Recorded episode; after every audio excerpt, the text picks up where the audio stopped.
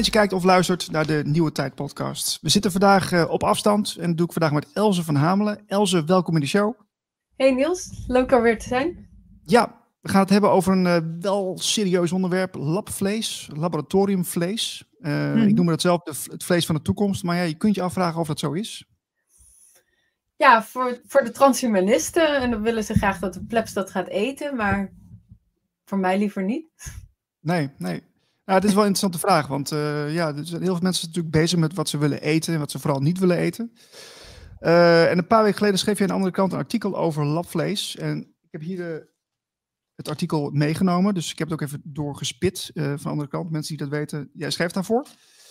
En ik, wil, ik wil ook weten hoe dat gefinancierd wordt, hoe het gemaakt wordt, wie het maakt. Een hele interessante ontwikkeling, want er gaat nogal wat geld in om. Mm -hmm. En, en ehm, ja, ik, wil even weten van hoe ben je hierbij gekomen? Want het is toch wel een specifieke afdeling dit, het laboratoriumvlees. Ik zag ergens een persbericht wat al veel eerder was uitgekomen, volgens mij in april. Uh, dat de Nederlandse overheid 60 miljoen gaat investeren in het opzetten van een ecosysteem voor labvlees. En een ecosysteem bedoelen ze dus niet uh, gewoon een start-up, maar eigenlijk de hele infrastructuur die nodig is, zodat je start-ups en, en bedrijven gaat aantrekken. Dus dan in kennisontwikkeling en onderwijs, um, uh, allerlei partijen bij elkaar brengen. Uh, zorgen dat, uh, dat, dat testcases dat die, die makkelijk getest kunnen worden, zodat je dat naar een grotere schaal productie kunt brengen. ja, dus, dus dat vond ik best wel een grote investering. En dat stelde ik voor bij de andere kant. En toen zeiden ze van, ja, kijk maar. En toen begon ik dus, wat ik dacht van, nou, dat wordt gewoon een klein stukje. Maar hoe meer ik daarover las, hoe meer vragen het eigenlijk bij me opriep. En um, ja, toen, toen werd het wat, wat, wat, wat, langer dan een persbericht. Maar ja, ja, hoe meer ik erover las, hoe meer ik dacht van, hè, dit kan gewoon niet. Van, uh, um, ja, ja, er komen straks al al die Ja, want er is een stichting uh, opgericht in 2021. Daar wil ik zo meteen mm -hmm. ook wel wat over zeggen, want ik heb die website even bekeken. En uh, dat is ook wel heel interessant hoe dat wordt toegelicht. Uh, jij schreef in de andere kant, editie nummer 33, die ik hier, hier heb liggen. Uh, Nederland wil een gidsland worden in cellulaire landbouw, landbouw, vlees- en melkproducten die niet van de boerderij komen, maar in laboratoria worden gekweekt. Het uh, Nationaal Groeifonds heeft een subsidie van 60 miljoen euro aan de Stichting Cellulaire Agricultuur Nederland voor het ontwikkelen, ontwikkelen van ecosystemen dat economische groei rond cellulaire landbouwactiviteiten moet gaan stimuleren. Mm -hmm. Nou, dat is toch een flink bedrag, 60 miljoen. Um, maar moet ik denken aan, aan vlees uit een laboratorium? Moet ik dan denken aan een soort nieuwe vleesvervanger? Of, of zit, ik dan, zit ik dan verkeerd? Ja, wat je eigenlijk ziet is dat, nou ja, we, zowel van de VN als het uh, World Economic Forum als de EU, van waar dat dan dus begonnen, maar iedereen zegt van, oh, dat vlees eten is een heel groot probleem. En uh, we hebben een eiwittransitie nodig. En in het Engels hebben ze het dan over alternative proteins. En daar worden dus hele alternative protein strategieën uh, voor, voor uitgeschreven. En in de EU staat dat opgenomen in de Farm to Fork strategie. En naar aanleiding van de EU, de EU heeft het alle lidstaten dat ook opgelegd. Dus Nederland heeft ook sinds een paar jaar een nationale eiwitstrategie. En uh, hoe, hoe het wordt uitgelegd, welke kant dat op moet, is dat ze zeggen van ja, we importeren te veel soja en, um, en we willen minder export, uh, importafhankelijk zijn. Dus we moeten meer uh, zelfstandig zijn en meer in onze eigen eiwitten gaan, um, gaan investeren. Maar als je de kleine letters leest, dan hebben ze er ook over van ja, we willen eigenlijk dat mensen veel meer gaan verschuiven van dierlijk vlees naar, um, naar niet-dierlijk vlees. Of en, en da, dan zie je dat er dus enorm geïnvesteerd is aan de ene kant in dus plantaardige vleesvervangers. Maar die doen het eigenlijk niet zo goed. En uh, waar je dan ook in geïnvesteerd wordt, is dus dat cultuurvlees heet dat dan. Dus uh, lab culture uh, meat. Mm. Maar ook voor vis, ook voor ei.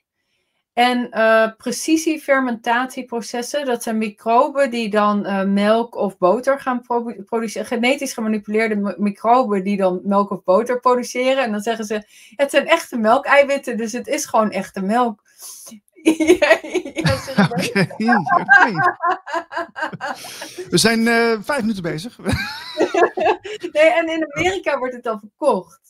Het is niet dat labvlees, dat is een ander verhaal. Maar die eh, precisie ehm, eh, fermentatie wel. En, eh, en de derde is natuurlijk zijn de insecten. En wat je dus ziet, is dus aan de ene kant wordt er dus met beleid enorm gepusht van, van we hebben dus een eiwittransitie nodig. Wie heeft daarvoor gekozen? En ehm, voor, met reguleringen wordt het vergemakkelijkt om dit soort dingen op de markt te brengen. Hoewel er echt nog wel wat obstakels zijn, denk ik, voor dit labcultuurvlees. En ehm, ja, en, en daar gaat dus heel veel geld naartoe. Want die 60 miljoen is echt bijna niks. Ze hadden volgens mij om 325 miljoen gevraagd. Dus dit is een eerste 60 miljoen die redelijk voorwaardelijk, eh, voorwaardelijk is. Dus het is wel het grootste bedrag wat een overheid openlijk daaraan heeft eh, besteed. Maar ik wil heel even de, wat eh, de getallen noemen. Even voor plant-based meat is, is er gewoon door dus venture capital is er 4,2 miljard eh, euro al geïnvesteerd. Plant-based seafood 147 miljoen. Lab-grown da- dairy and eggs dus eh, 157 miljoen. Insecten 56 miljoen. Ehm, even kijken. En dan lab-grown meat is anderhalf miljard. Dit is van de Nederlandse overheid of niet? Nee, nee, dit is, dit is gewoon wereldwijd. Maar dit is gewoon het, de investeringen door bedrijven. Wacht even, ik zei telkens miljoen, maar het is miljard. Sorry, dat eh, Oh. zijn een paar nullen meer. Maar Ja. dat, dat is gewoon wat bedrijven erin investeren. Dus dat is allemaal venture capital. En dan moet je bij nagaan dat vooral voor die celculturen, die zijn nog helemaal niet op de markt. En daar worden gewoon miljarden tegenaan gegooid. En dan denk ik, hoe, ja, hoe werkt dat qua business case? Van, eh, ehm, want ook, ja, daar komen we misschien nog wel op. Van, het is enorm duur om dat spul te eh, produceren. Mhm. En daar worden nogal optimistische inschattingen gedaan van, van normaal heb je altijd inderdaad bij een eerste product heb je gewoon een leercurve. Dat eerste product is hartstikke duur. En dan krijg je de kinken uit de kabel, dan ga je het optimaliseren en dan heb je iets betaalbaars. Maar dit is een heel gespecialiseerd eh, product wat ehm, onder, ehm, onder hele gecontroleerde omstandigheden geproduceerd moet worden in clean rooms. Eh, dus, dus echt mega hygiënisch. En omdat het allemaal zo nauw luistert, eh, is dat helemaal niet zo makkelijk om daar schaalvergroting toe te passen. En ehm, wat mij trouwens ook verbaasde, is dat het proces waarmee ze dus zo'n labburger, dus nu ben ik weer terug naar die celculturen, Mhm. produceren, zijn precies dezelfde processen als die eh, worden gebruikt om eh biotech-medicijnen te produceren. En dan denk ik, als je het voor elkaar krijgt om ten eerste dat fonds te werven, dan zo'n fabriek op te zetten, dan moet je mensen aantrekken die de kennis in huis hebben om zo'n zo'n eh, plant te, te, te draaien. Dan moet je ook mensen, ook de mensen die niet super hoog zijn opgeleid, die gewoon op de werkvloer schoonmaken, die moet je heel goed trainen in alle eh, health and safety, alle veiligheid, alle kwaliteitssystemen. Dus het is, het, het is eh, zelfs zeg maar als je dat technische innovatiestuk rond hebt, dan is het echt heel moeilijk om, om die fabriek draaiende te krijgen. En dan denk ik, als je dat allemaal voor elkaar krijgt, waarom zou je dan een product gaan produceren met de marge van een hamburger? Ja. Als je ook de marge van biotech-medicijnen kunt krijgen. Want het is precies hetzelfde proces. Ja, wat, wat, wat, wat zijn dan diezelfde processen dan? Eh, kun je het uitleggen? Ehm, nou, het proces is een celcultuur. Dus een celcultuur heb je een cellijn voor nodig. En die cellijn probeer je dan cellen of probeer je iets op te groeien. En ehm, dat kan voor een vaccin heb je ook een cellijn en dat heb je cultuur. En dat, dat- die cellijn gaat dan iets produceren en dat is dan het vaccin. Nou, Het is heel simpel gezegd hoor, er zitten allemaal Ja, ja. stappen bij. Maar ja, met dat vlees dus hetzelfde. Je hebt, ja, dat, dat was een van de vragen die bij me opriep. Ik dacht, als ik een stukje vlees bij Albert Heijn haal, dan gaat dat niet groeien. Want het is dood. Ja. Dus als je cultuur... Ja. Ja, en, en natuurlijk de vraag is van oké, als je dat dan massaal gaat produceren, wat is het effect op, uh, op, op, ja, op de mensen die, die het tot zich nemen? Dat, dat zou, dat, dat, ja, dat ook die vragen die zijn dus niet beantwoord. Maar, maar, maar mijn vraag was dus uh, de, dat ik dacht van ja, maar hoe ga je dat dan laten groeien? Het, toen kwam, kwam bij die cellijnen, ik denk hé, dat is hetzelfde, want daar heb ik natuurlijk ook over geschreven, als die vaccinproductie van... Uh, en wat ze, voor, om het cellijn levend te houden, om iets buiten het lichaam levend te houden, moet je het genetisch manipuleren. En dan om die cellen te laten vermeerderen, moet je er eigenlijk een soort van kankercellen van maken. Daar wordt een ander woord voor gebruikt. Maar het zijn um, immort, immortalize heet het dan. Maar het zijn eigenlijk een soort kankercellen. Want een gewoon organisme groeit niet uh, buiten een, een lichaam. Nou ja, dan moet er van alles bijgegooid worden, omdat het dan wel gaat groeien. Maar ja, dat proces is hetzelfde als, als uh, medicijnen. Um, ja, hoe medicijn, uh, dus bijvoorbeeld vaccins gemaakt worden.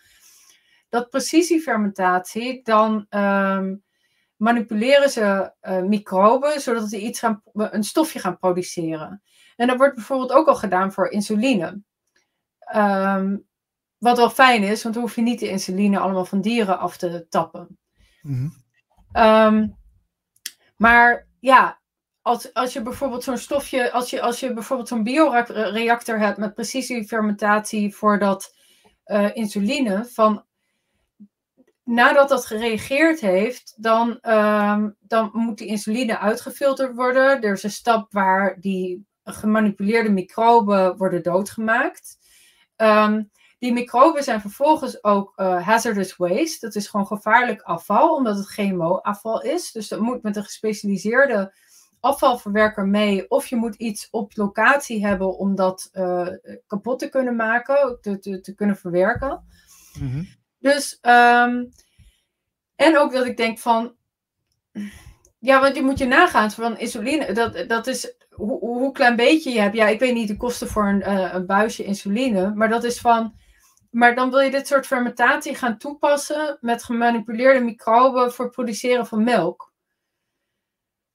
Ik, ja, ik, ik, vind, ja, ik, ik, vind het bizar dat, dat wat ik nu al hoor, we, we, zijn, nog niet, we zijn eigenlijk net begonnen, wat, wat er allemaal aan, bij komt kijken om uh, dan zo in te zetten op kunstmatig vlees. Uh, Oké, okay, ja, nou, ik, ik, ik, schrik je wel een beetje. Ik, nee, ik schrik je echt een beetje van eigenlijk. Dus, uh, ja. Nou, ik okay. moet zeggen, dat, ik dacht dus gewoon, ik ga gewoon een soort persberichtje of gewoon een stukje schrijven. Maar ik begon te lezen en alles wat ik las riep meer vragen bij me op. Dus vandaar, uh, ja, het is gewoon, het is, het is gewoon, ik vind het raar dat ze hier zo nadrukkelijk in, in investeren. En ik vind het ook echt een teken van, als je zegt van um, vrije marktwerking, dan wordt, komt er een product omdat er een bepaalde vraag naar is.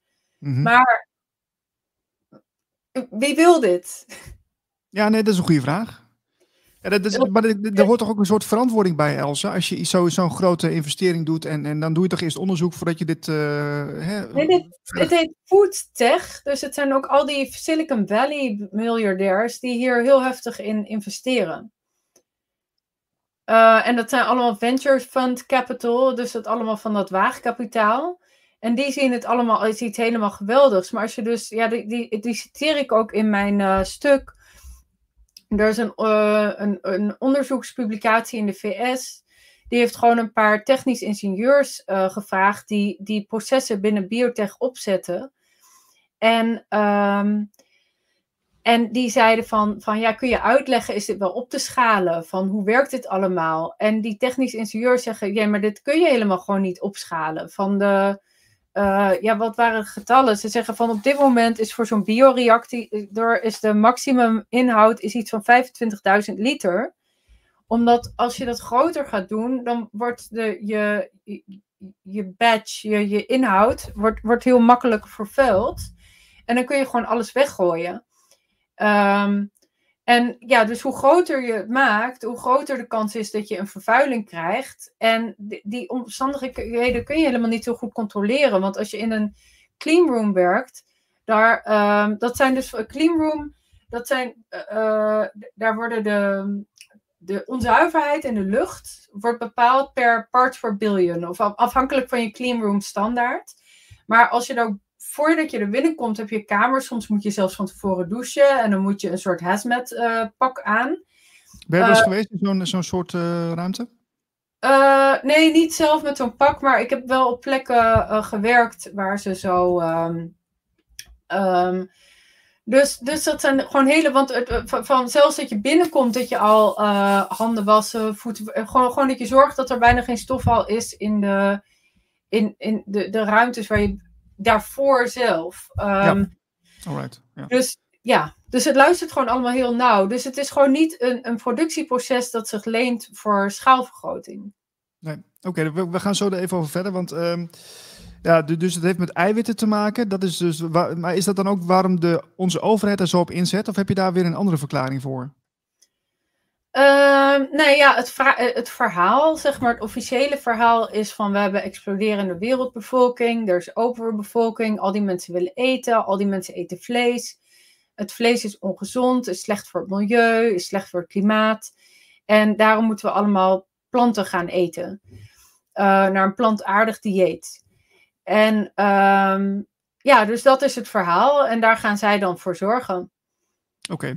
Nu, uh, nu zag ik ook dat er een, uh, een stichting is uh, opgezet in 2021. Stichting Cellulaire Agricultuur Nederland. Agricultuur mm -hmm. Nederland. En op de website van hun lees ik het volgende. de Nationaal Groeifondscommissie zegt vandaag over cellulaire agricultuur. hoewel de producten nog niet in de schappen liggen, is de wetenschap veelbelovend en zijn de eerste bedrijven al actief. De commissie is te spreken over de potentie en de betrokken partijen. Nou, dan ga ik even naar het mhm. lijstje toe van de partijen die daarbij betrokken zijn. En dan zie ik, uh, uh, wat zie ik staan? Ik zie uh, de, de, CE Delft, DSM. Ik zie mm Unilever, de TU Delft, Doos Vegan Cowboys, SDG NL, Nutreco, Planet, Respect Farms staat erbij, Moza Meat. Nou ja, een hele grote groep, ondersteund door meer dan 40 organisaties. Mm zowel regionale ontwikkelingsmaatschappijen, onderwijsinstellingen, supermarkten en voedselproducenten. En mhm. ook uh, variërend van individuele boeren tot multinationals. En allemaal hebben ze een doel om een gezonde, duurzame sector te bouwen uh, rond cellulaire agricultuur binnen en buiten Nederland. Oké, nou dat is dan mm eventjes neergezet. Uh, maar als ik zie welke partijen hierbij betrokken zijn, ja, dan, dan zal het er zeker van komen, want er gaat zoveel geld in. Maar, maar kun je vertellen hoe dat vlees gemaakt wordt? Want dat vind ik toch wel ehm, even goed om op in te zoomen? Uh, ja, wat ik zei, je hebt dus een celcultuur. Maar die celcultuur moet dus eerst afgenomen worden bij een levend wezen. Uh, dus dat moet een levend dier zijn. Want op het moment dat het dier dood is, heb je niet meer een bloedcirculatie. Dan kun je geen levende cellen meer afnemen. En dan moeten ze daar van alles mee uit. Dus dat is ook uh, de grote uitdaging van de sector. Hoe kom je aan goede cellijnen voor je celculturen? Um, en daar ben ik nog verder aan het kijken, want dat is me nog niet, uh, nog niet de, de, details verder van duidelijk. Maar dat, ja, dus, dus het begint dus met die cellen of met stamcellen ook. Um, en dan heb je dus, uh, dan moeten ze dat gaan groeien en dan gaan ze een groeimedium toevoegen. En in dat groeimedium zit tot nu toe, nou ja, ondertussen zijn er een aantal bedrijven die dus blijkbaar vervanging hebben gevonden, maar zijn weer niet duidelijk over wat die vervanging is. Maar um, die gebruiken fetal bovine runner serum.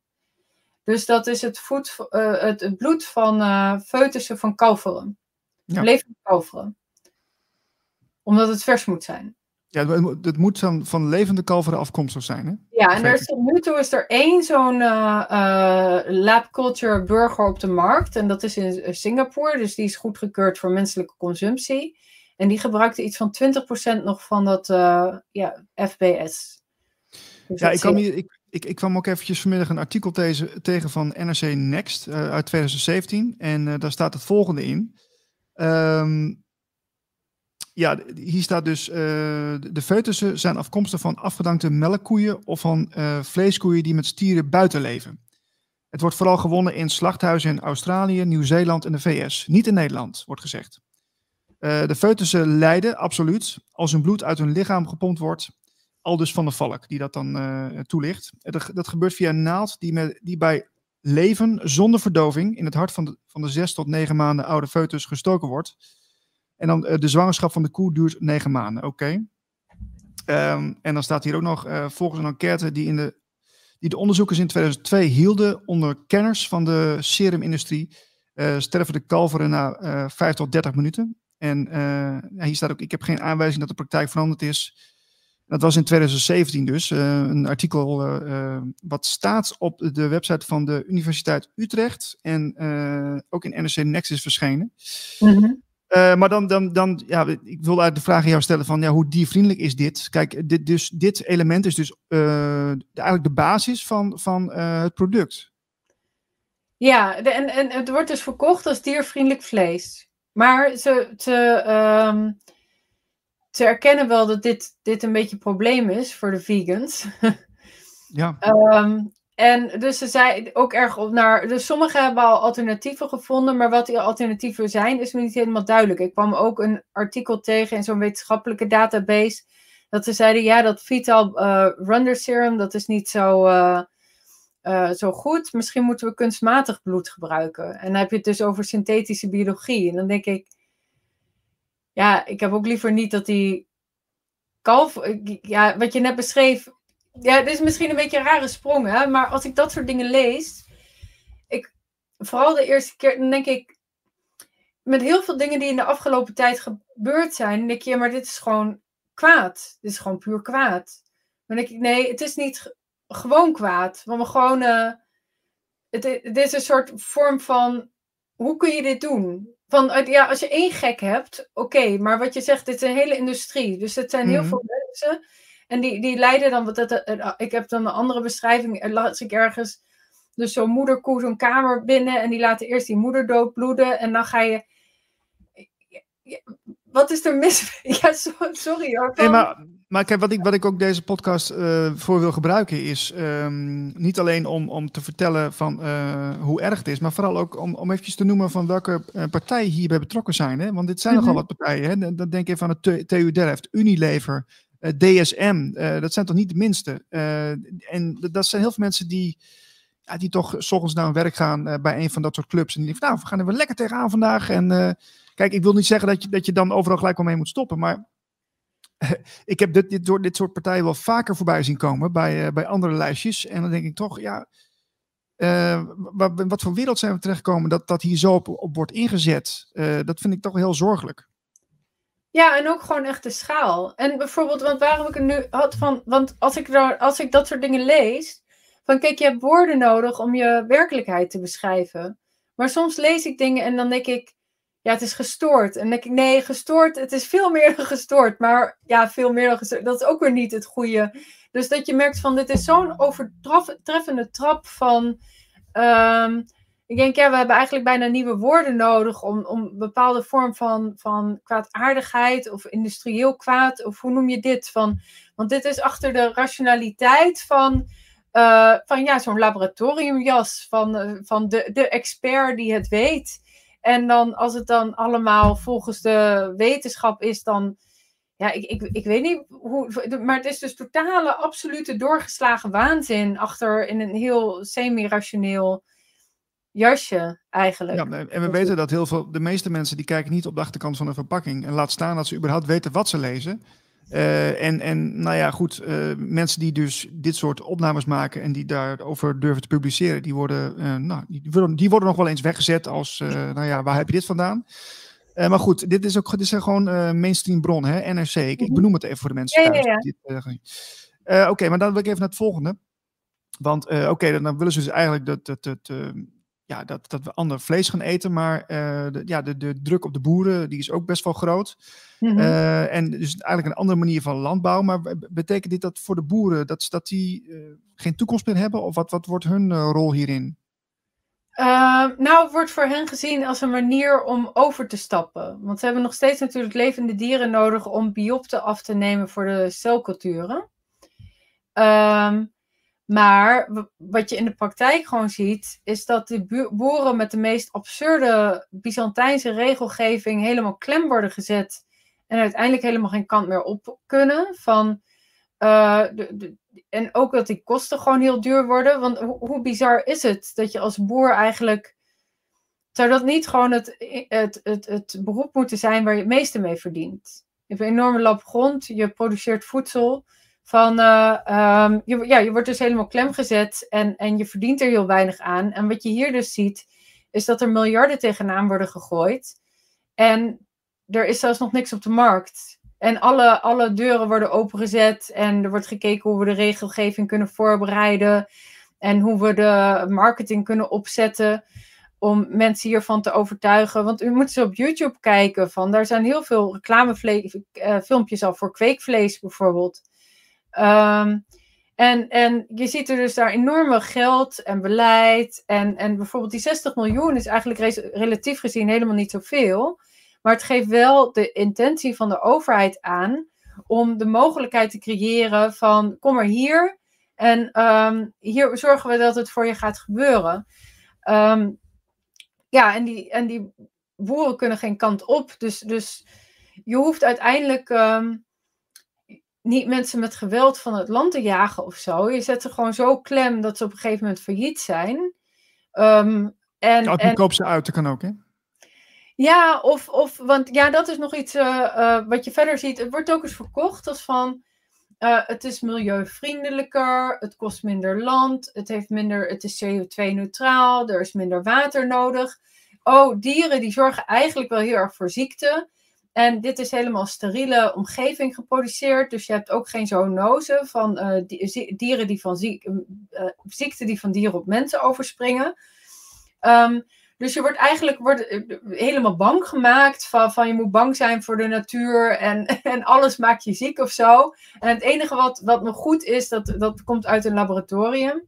Maar het wordt dan natuurlijk heel makkelijk, want want dat geldt zowel voor dat uh, laboratoriumvlees als de insecten, als die verticale landbouw. Is dat ze behoorlijk um, optimistische prognoses geven over een energieverbruik, over een watergebruik, over een landgebruik, over sommige dingen. Landgebruik, dat klopt trouwens wel. Maar bijvoorbeeld andere zijn echt een beetje te optimistisch, chemicaliën. Maar dan is het heel makkelijk voor de overheid om op een gegeven moment te zeggen van oh ja, we willen eigenlijk dat de productiviteit per vierkante meter moet zoveel kilo zijn. Je mag maximum zoveel water gebruiken en dit is je CO2-budget. En een gewone boer die op land produceert, die kan er gewoon niet aan voldoen. En dan, uh, ja, dan zet je iemand met regelgeving uh, klem. Of dat is een beetje wat volgens mij nu al gebeurt. Maar als je alle verkooppraatjes hierbij leest, dan, dan is dat duidelijk de kant waar ze uh, naar, toe, naar aan toewerken zijn. En daarom vind ik het ook zo ontzettend belangrijk dat we ook echt de boeren gaan beschermen. En ik, eh, bijvoorbeeld, ik koop zelf uh, bij een biologische boer in mijn buurt, maar het maakt me eigenlijk ook niet zoveel uit of het biologisch is of niet. Zorg gewoon dat we gewoon een rechte lijn hebben naar de boeren, dat we ze ondersteunen en dat we gewoon normaal voedsel blijven houden. Want wat ze hier allemaal aan het voorbereiden zijn, is, is gewoon ja, dystopisch. Ja, het is, uh, zoals we dat nu hebben uitgelegd, is het ook uh, ja, dystopisch. Het is dit, dit, ja, een beetje Frankenstein-achtige uh, tafereelen krijgen we dan. Ik denk, van, waar, waar, waar, waarom? Ik bedoel, ehm, de motivatie is mij niet helemaal duidelijk. Hè, met die eiwitten. Ik, ik, ik, vind, het, ik, vind, het een beetje, ik vind dat een bijzonder verhaal. Laat, laat ik daar maar op houden. Um, ik, ik, ik kan me ook voorstellen dat het produceren van labvlees een heel gecompliceerde aangelegenheid is. Hè, wat je ook al net schetste. Um, mm -hmm. is, is dit wel betaalbaar voor de normale man? Nou, er is dus, er wordt een, in een Amerikaans artikel wordt een studie van de Technische Universiteit Delft geciteerd. En dan een pound, dus dat is ongeveer uh, 0,45 kilogram uh, labvlees. Dat kostte twee jaar geleden 10.000 dollar. 10.000 dollar? Oké. Okay. En dan zegt ze, ja, nee, dit moet nog, of was dit, ja, in ieder geval zeggen ze, ja, dat moet nog naar beneden, maar dat zien ze allemaal optimistisch in. Maar gezien wat ik net beschreef, van het is gewoon niet een eenvoudig productieproces. Um, dus, dus en, en de ingrediënten die je nodig hebt, dat zijn ook hele dure ingrediënten.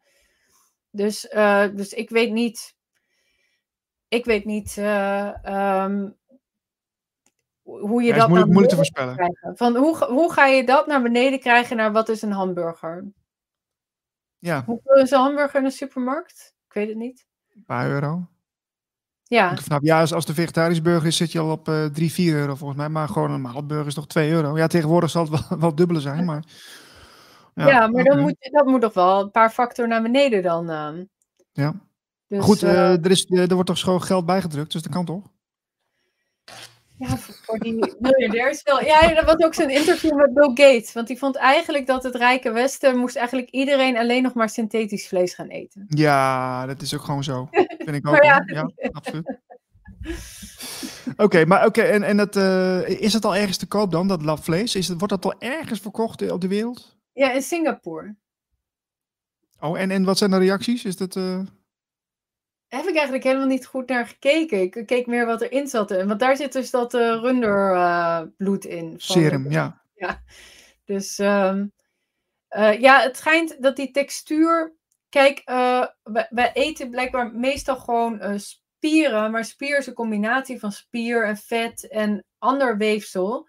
Maar als je een kweek maakt, kun je maar één soort weefsel kweken. Waardoor het dan toch wat minder die echte structuur van. Maar dat is eigenlijk het stuk waar ik het minste uh, heb gelezen. Maar dat zou ik misschien nog eens moeten doen. Oké, okay, wat, ik, wat ik wel de vleesvervangindustrie moet meegeven, is dat het er uh, best wel hetzelfde uitziet. En ook wel het, mhm. bijna hetzelfde smaakt hoor, vind ik. Uh, met, met, met sommige burgers en, en uh, andere schnitzeldingen. Dat, ja, ik, vind, ik vond op zich niet heel vies of zo. En ook wel dicht in de buurt van, van het werkelijke stukje vlees. Maar goed, uh, al die E-nummers die weerhouden mij er een beetje van om er uh, veel verder mee te gaan. Want het is, ja. het is toch niet zo heel gezond. Nee, ik vind het veel te chemisch. Ja, ja. precies. Ja, ja. Um, ja, tot slot, Elze. Uh, ja, als, je, als we dit nou zo eens horen, dat, dat vlees, moet, moeten we dat wel in de toekomst dan wel blijven eten? Of misschien meer biologisch vlees op zijn tijd? Of hoe, hoe, hoe zie jij dat? Um, nou, ik denk eigenlijk dat de grote problemen in de voedselsystemen zijn, is dat we alle natuurlijke cycli doorbroken hebben. Want gewoon, als je gewoon kijkt naar traditionele, dan heet dat nu uh, biologisch of, of zelfs uh, biologisch dynamisch. Maar traditionele uh, systemen loopt gewoon alles in een cyclus. Dus je hebt dieren, je hebt landbouw. En dan de, de mest van de dieren geeft weer voeding van het land. En daardoor krijg je gezonde grond met microben erin. Uh, en die planten verzamelen ook allemaal stoffen uit de lucht en uit de grond. Eh, en, en daardoor hebben die planten weer mineralen die jij eet. Dus dat is gewoon een cycli die, die functioneert. Um, waar trouwens die microben een enorm belangrijke deel, uh, deel van uitmaken. En met die groene revolutie vanaf, uh, wat is dat, jaren 60 of misschien al wel wat eerder. Zijn ze natuurlijk enorm veel kunstmest gaan gebruiken. En uh, van die industriële uh, dierhouderijen. Maar dan scheid je het van elkaar en dan heb je opeens een mestprobleem. En dan mm zeg je, oh, dit zorgt voor allemaal stikstof. Maar dat komt omdat je. Maar, en aan de andere kant ga je dus allemaal kunstmest op de grond gooien om die planten te laten groeien. En kunstmest zitten verder geen voedingsstoffen in. Dus je gaat wel die planten telkens oppompen. Maar als er geen mineralen meer in de grond zitten, zitten die ook niet in je planten. En als jij dus dan die uh, planten eet, dan kom je gewoon op een gegeven moment krijg je mineralen tekorten. Dus um, ja, ik, ja, weet je, ik heb best wel lang in duurzaamheid gewerkt, maar iets en veel met chemische bedrijven. Maar iets wat ik zelf op een gegeven moment heel erg besefte, was dat ik dacht van, er is niks wat we de natuur aandoen, wat we niet ook onszelf aandoen. Van uh, ook met chemicaliën, dan van ja, we gooien ze weg. Maar chemicaliën gooi je niet weg. Die komen ergens terecht, die komen in het water, die komen in de lucht die adem je in of die komen op je eten. En dan test je je bloed en dan zit er daar een cocktail van 200 chemicaliën in. Gewoon standaard. Trouwens bij jou en mij ook als je... Um, dat heet low dose ex exposure. Maar ja, dus, dus als je zegt waar moet het naartoe? Dan denk ik van... Um, er is ook, uh, uh, dat heet agroecology, maar dat zoekt veel meer voor de verbinding. Dus de verbinding van, van die natuurlijke cycli, maar ook weer van mensen met de natuur en de dieren en het land. En dat is, uh, dat is arbeidsintensiever, maar we hebben gewoon heel veel mensen. En er is niks zo bevredigend als, als, als gewoon ja, in de natuur ook op het land werken. Nou, misschien niet voor iedereen. Maar er zijn toch best wel veel mensen ook die al een tijd op een kantoor hebben gewerkt en dan genoeg geld hebben. En dan willen ze een boerderij beginnen, gewoon omdat ze die verbinding missen. Dus, dus ik, denk, um, ik denk dat er echt wel veel, veel kansen liggen van. Um, um, ja, door dus die verbinding, zowel die verbinding als de veeteelt van de land en de landbouw weer, maar ook gewoon van mensen met het land zelf. En, en er is niks mooiers dan. Bijvoorbeeld in Amerika zijn er hele mooie voorbeelden van stadstuinbouw. Van in totaal vervallen wijken. Ehm, waar ze dan op zo'n stuk grond, ja, ik denk dat het best veel is, maar uh, waar, waar, waar, waar, uh, ja, waar je gangs hebt en weet ik veel wat voor ellende allemaal. En dan beginnen ze zo'n community garden en er, uh, en er komt van die kansloze jeugd, komt dan eerst kijken en een beetje stoer doen en op een gegeven moment komen ze toch meehelpen. Maar dan zie je gewoon dat het gewoon een soort verbindingsplek wordt. Ah, dus, oké. Okay. Ehm, Eigenlijk is het wel een, een mooi experiment. En dat het ook vers voedsel geeft uh, op een plek waar je. Uh, ja, je hebt daar, dat heet food deserts. Want je hebt daar veel van die liquor stores en van die, van die hele grote uh, malls. Maar als je daar gewoon niet echt in de buurt woont en bijvoorbeeld geen auto hebt, dan, um, dan, dan is er gewoon in de nabije, op nabije loopafstand kun je gewoon nergens vers voedsel krijgen. Dus het zijn allemaal mensen die alleen maar van McDonald's of van dat ja, hyper processed uh, eten dan. Uh, tot, ja, dus ik, ik denk gewoon, als je zegt van wat is de oplossing, denk een stuk kleinschaligheid, een stuk verbinding. Um, zoek inderdaad gewoon in je omgeving. Zoek gewoon een boer op waar je rechtstreeks het, uh, het eten haalt. Want dat was ook iets van na, nadat ik het dus meer uh, in de omgeving rechtstreeks ging, ging kopen, krijg je ook veel meer respect voor, uh, voor je eten. Ja, ik probeer het soms zelf te groeien en dan let ik weer even niet op en dan is het weer overwoekerd en dan denk ik, oh ja, ik krijg toch wel echt heel veel respect voor. ja, maar het is ook leuk dat je weet waar, waar het eten vandaan komt. Hè? En als ik jou zo hoor, uh, de, de, de afgelopen, ja, misschien zit het wel op 100 jaar, dat, dat, dat, dat de natuurlijke processen gewoon structureel worden ontregeld, op wat voor manier dan ook. Hè? Dan heb je het over landbouw, maar ook over de, de, de, de vleesproductie en, en, en de, ja, eigenlijk al die uh, zaken die door elkaar heen lopen, maar ook, ook gezondheid. Hè? Want dat is ook gewoon in het begin vorige eeuw uh, natuurlijk uh, op een bepaalde manier gekaapt. Ja. Ik heb een heel mooi interview gehad met, met iemand op mijn nieuwe tijdskanaal. Daar moeten mensen maar even naar kijken. Um, dus dat gaat ook over de Big Pharma. Maar goed, daar wordt ook een stukje geschiedenis geschreven van nou ja, wie, wie erachter zit, dat dat zo veranderd is. Want voor 1900 waren er nog heel veel alternatieve ja. geneeswijzes. En die waren opeens voetzie verdwenen. Dus uh, goed, dat, dat, ging natuurlijk wel langere tijd overheen. Maar het is wel interessant om te kijken van nou, hoe, hoe gaat zoiets. En dit is bij dit eigenlijk net zo. Dat we gewoon nu ook gewoon uh, het, de, de, normalisering die plaatsvindt met dit soort praktijken, met, met, met dit soort uh, ja, experimenten die, die, die gigantisch worden gefinancierd. En, mm. en ja, de, de, de goedgelovige gemiddelde burger die er ja, burger, ook wat dubbelzinnig, maar burger die naar de supermarkt gaat, ja. die, die, uh, die, koopt dan uh, zijn stukje vlees zogenaamd en die heeft geen idee wat erin zit. En ik vind dat wel, uh, ja, ik vind het wel erg. Da daarom maak ik deze podcast ook met jou, hè, mensen die daar naar willen kijken, van jongens, let even op wat er gebeurt. Dus, en het probleem is dat als je de boeren de das omdoet, dan heb je straks steeds minder keuze. Um, wat, volgens mij was het in de VS, dat las ik, waren vijf hele grote bedrijven die hadden eigenlijk bijna alle voedselproductie in handen. En um, ja, nu, er is dus ook wel een trend naar meer het lokaal en kleinschalig af te nemen. Maar het gros is dus gewoon van zo'n Big Five afhankelijk. En dat is natuurlijk hyper gecontroleerd. Daar heb je zelf ook helemaal geen controle op wat daarop gebeurt. En daar zag je bijvoorbeeld van uh, Tyson en Cargill. Dat zijn wereldwijd hele grote voedselconcerns. En die, uh, die laten meer van hun traditionele dan uh, vlees varen. Ik weet niet of dat zo erg is, want dat zijn echt van die. Ja, waar die dieren echt verschrikkelijk behandeld worden. Dus, um, maar ze investeren tegelijkertijd ook in dat laboratoriumvlees. Dus dan denk ik, dan heb ik liever dat je gewoon kleinschalig vlees en gewoon goed voor die dieren zorgt en ze een goed leven geeft. Um, en misschien moeten we wat minder eten of zo, maar um, maar dat is zoiets van, dat moet onze eigen keuze zijn. Dat hoeft niet van, van bovenaf door de EU opgezet te worden. En ik hoef ook niet van de Nederlandse overheid een eiwitstrategie.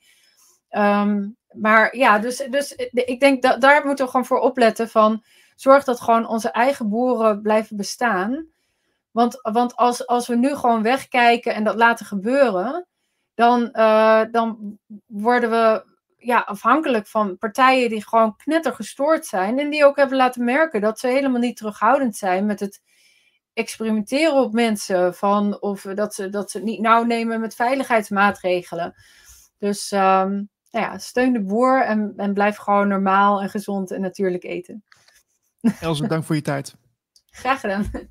We zijn er volgende week weer met een nieuwe editie van de Nieuwe Tijd podcast. En als je nog geen donateur bent, word er dan even. Ga naar mijn website blikopdemaatschappij.nl en ga naar het kopje steun en dan kun je mij steunen elke maand. En dan krijg je elke week een nieuwsbrief met de Nieuwe Tijd podcast erin met exclusief materiaal.